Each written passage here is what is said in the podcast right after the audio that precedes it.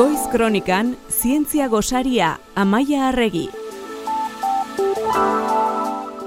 Artu gogoan izen hau, Nancy Hopkins biologoarena. Norden eta bereziki zer lan egin duen azalduko digu, Amaia Arregi, Donostia International Physics Centerreko zientzialari eta komunikazio teknikaria, kaixo Amaia? Kaixo egun honi Nancy Hopkins eta zebra arraiak biak ustarri berean gaur, ezta?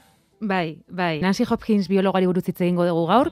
Alde batetik kontatu nahi dizuet zin izan den bere ikerketa ere mo, baina bakizu ni genetika oso zalea naizela eta pixkat hortik joango gara gaur ar, e, zebrarraiekin. Baina bera ikerlaria izateaz gain aktivista oso importante bat izan da, zintzaren alorrean, eta MIT, Massachusetts Institute of Technology, ez dakinaren zat, e, ikerketa e, zentro Universiade oso oso importantea da, estatu batuetan, e, Harvardi buruz hitz egitea bezala, gu beti Oxford eta Harvard ditugu, baina MIT super importantea da. Eta hor ba, e, akademian errevoluzio bat eragin zuen. Irautza txiki bat eragin zuela. Txiki handi bat bai. Mhm. Eta horri buruz hitz egingo dugu. Ederki, has gaitezen hasieratik, e, behar den bai. bezala, Hopkins neska gaztea ikaslea zen garaitik. Bai, e, bueno, bai, rugai garreman da, aukera izan zuen James Watsonen itzalit batera joateko, eta berak kontatzen du nola horrek bizitza nola baita aldatu egin zion, eta bere bizarekin egin nahi zuena oso garbi ikusi zuela. Itzaldi horretan. Bai, James Watsonek, e, Francis Creckekin batera ADN-aren Elizabikoitzaren egitura topatu zuen, berrogeita mairuan, eta orduan irurogai garen amarkadenen hasieran, ba, ba ADN-arena eta ADN-ak ekarriko zuen e, ikerketa esparru berriak eta eta aurkikuntzak, ba, pilpilan zauden dena zegoen egiteko. Eta orduan beretzako hori izan zen momentu oso garrantzitsua. Ba, iruditu zitzaiolako ADN-ak eta hor sortu berria zen biologia molekularraren ikerketa alorrak, ba, erantzun asko mango zizkiola e, galdera oso komplexuei, bizitza, gizakiaren portaera, eta bar. Eta horra ziren, lehen ikerketak minbizia uste dutez, gaizutenak. Bai, egia da, bera hasiera minbizia aritu zela lanean, ia hogei urtez. Enboratxo batean, Bai, hori da, bere amak minbize dukizu, eta horrek ere bera mugitu zuen barrutik, eta gaina momentu hortan oso estimatizatua zegoen oraindik kaixotasun bezala.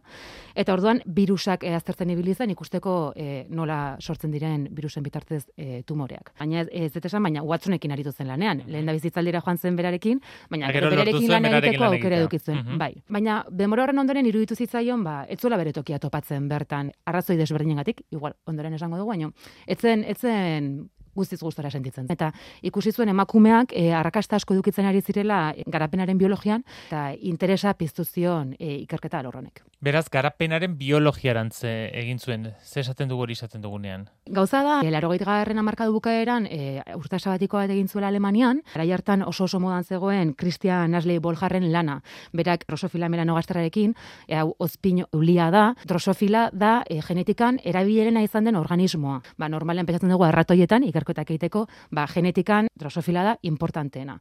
Bueno, gauza e, drosofilarekin ikerketa horiek egin zituela, baina jakin zuen bera Alemanian zegoela arraizebrarekin lanean hasi zirela. Eta ba, arraizebrak interesa handia piztu zion. Zergatik, ba, oso azkar e, desarrollatzen delako, ogulo hernandu ondoren, ordu gutxiren ondoren, enbrioia garatu egiten da, eta ja, gorputza eta buru ikusi daiteke, eta biharamunean buztana mugitzen da, gainera gardena da, eta oso garbi ikusi daiteken. E, hori da, guk irudikatu behar dugun, Arrai garden hori, ez? Bai. E, ikerketarekin eta gure iruditerien jadako badagoena. Arrai zebra. Orduan e, erabaki zuen ba arrai zebra hauekin berak ere lanean hasi e, hasi nahi zuela. Hasiera batean e, ba gizakion portaera ikertu nahi zuen, baina claro, zebra arraia oraindik anetzen hain ezaguna, bere genetika etzen hain ezaguna. Ta azkenean pues erabaki zuen izan zen berak ere garapenaren e, geneak aztertuko zituela. Bai? Eta orduan e, esperimentu handi bat egin izan zuen hortarako. Esperimentu hortan nahi zuena zen e, milaka ar, e, zebrarrai eduki, zebrarrai hauetan mutazioak e, aleatorioki sartu, jakin gabe ze mutazio mota egin diogun ADN-ean, eta ikusi, hauek geratzen direnean, ea desberdintasuna dauden. Eta desberdintasunetatik abiatuz ikustea, ea bere genetan zer gertatu zen. Mhm. ba, oso diseinu interesgarria. Zer gertatzen da, esperimentu hau aurrera eraman alizateko espazioa behar zuela, zeren milaka esperimentuz ari gara, arraiz zebra akuario pila bat eta zari gara. Laborategia hunditu beharra zeukan. Eta orduan momentu hortan, ba, eskatu zuen, emaitin, espazio behar zuela laborategian zer gertatzen da, ez ez esan ziotela. Eta hor dator, lehen esan dugun, aktivista edo iraultzaren e, puntu ez, hor lertzen da. Hor lertzen da, berak kontatzen du, iraganean diskriminazio e, egoerak berak identifikatu zitula bere gorputzen. Eta ez da txorak eri bat, Francis Crickek, Nobel sariak, bueno, titiak ekutu zizkion, gauzasko garatu zitzaizkion, e, iraganean, baina importantena hau da, ez? Momentu enten ja, esaten du, bueno, esken ja ezin eta aurrera egin, isildu naiz, e, alditan, denbora, denbora guztiontan, baina orain ja, pareta bat jarri diate, eta nik ezin eta aurrera egin ere proiektu horretatzeko. Eta berak ikusten zuen gizonezkoak, naiz eta bera baina urte gutxiago eraman, horrelako oztopoak ez dituztela aurkitzen. Karo, beraia, e, proiektu berri honekin hasten denan, zebrarraiekin, e, berrogeita marrute zituen, eta emaitin ja, denbora bat zeraman, eta bera katedra duna. Zan, osea, berazan, ikerlarien top-topa, eta eta ikusten zuen, ba, junior, handi junior ditzen zaienek, hasi berriak diren ikerlari asko, gizonek, ba, bera baino espazio gehiago zeukatela. Eta ordan esan zuen, ba, hau ez da posible. Ordan, kejatu egin zan, esan zuen nahi zergatik ez diazute espazio gehiago ematen, kontuan edukita, e, badagoela e, jende hau e, espazio gehiagorekin, eta sentzuten hori gezurra zela. Eta orduan esan zuen, nola? Bueno, ba, nik demostratuko dizuet, ni naizela gezurretan ari.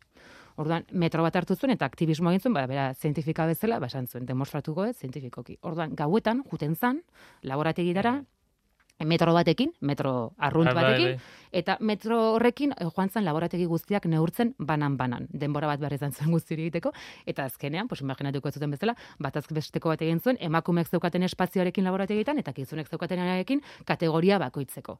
Eta horre ikusi zen, diferentzia izugarria zela. Eta orduan, karo, hori ikusi zuenean, pues duen, manik, emaitiko presidenteari idatze egin behar. Gutun bat, eta esan beharret hemen diskriminazio ikustezin sistematiko bat dagoela emakumeekin akademian. Baina hori egin baino lehen, ba, erabaki zuen, ba, emakume zentzelaren batekin ikusi, nahi- zuela, aber zer iruditzen zitzaion zen, karo, beretzako ere etzan broma presidente osea, emaitiko presidenteari horrela idaztea.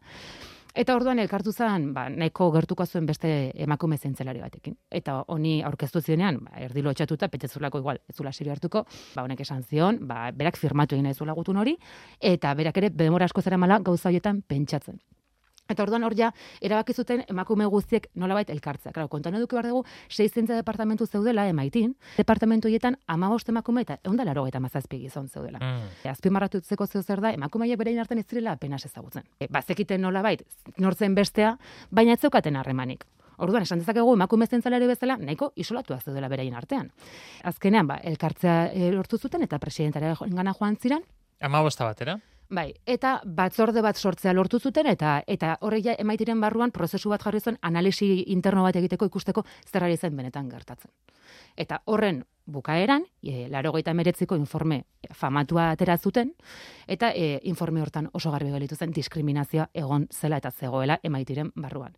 Claro, presidenteak e, horren ondoren, momentu batean gelitu zen pixkat etzekela zer egin, zeren emaiti instituzio oso garrantzitsua izanik, ba, meritokrazia bereintzako oso importantea izan den ideal bada, eta arro sentitzen ziren meritokrazia e, erabiltzen zutela pentsatzeaz. Eta, claro, horrek ba, bereien meritokrazia hautsi zuen erditik. Azkenean interesgarria da, e, presidenteak uste zutenaren kontra erabaki zuela informe hau e, apoiatzea. Eta gainera, informe hau plazaratu zenean, e, informe honi e, sarrera bat egin zion, eta niri sarrera hori bai irakurri dudanean oso inkuigarria iruditu zait, eta eta hemen ekarri dizuet, gustatuko litzadak irakurtzea, zer iruditzen zait, badaukala bere interesa, ez? Hau da, emaitiko presidentea, eh, esan zuen, informaren hasieran. Beti pentsatu izan dut, egungo genero diskriminazioa unibertsitateetan parte batean errealitatea dela, eta bestean percepzioa. Egia da hau, baina orain ulertzen dut errealitatea dela urrutitik parterik handiena. Bigarren, nik, nire gizon lankidek bezala, pentsatzen dut emakume lankide gazteak babesten ditugula. Hau ere egia da. Orokorrean pozik daude eta errespetatuak sentitzen dira dimentsio askotan, naiz eta ez guztietan. Tente jarri naiz ordean nire eserlekuan emakume katedradun batek, denbora luzez geizki tratatua sentitu denak, ni eroso positiba sentitu nintzen gaztean nintzenean esan didanean.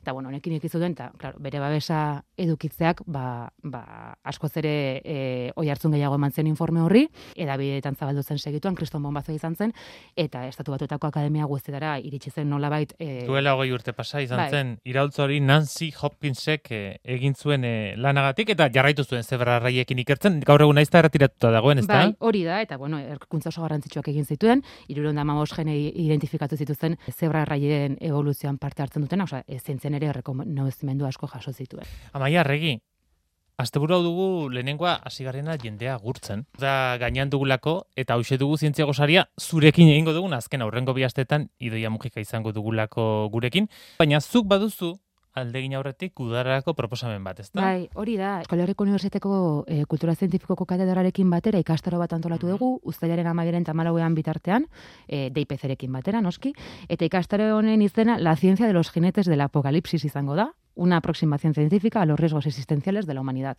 Gazteleraz izango da. Erakutsi nahi dena da, pandemiaz gain zein izan daitezken urrengo urteetan gizadiarentzat e, arrisku e, potentzialak.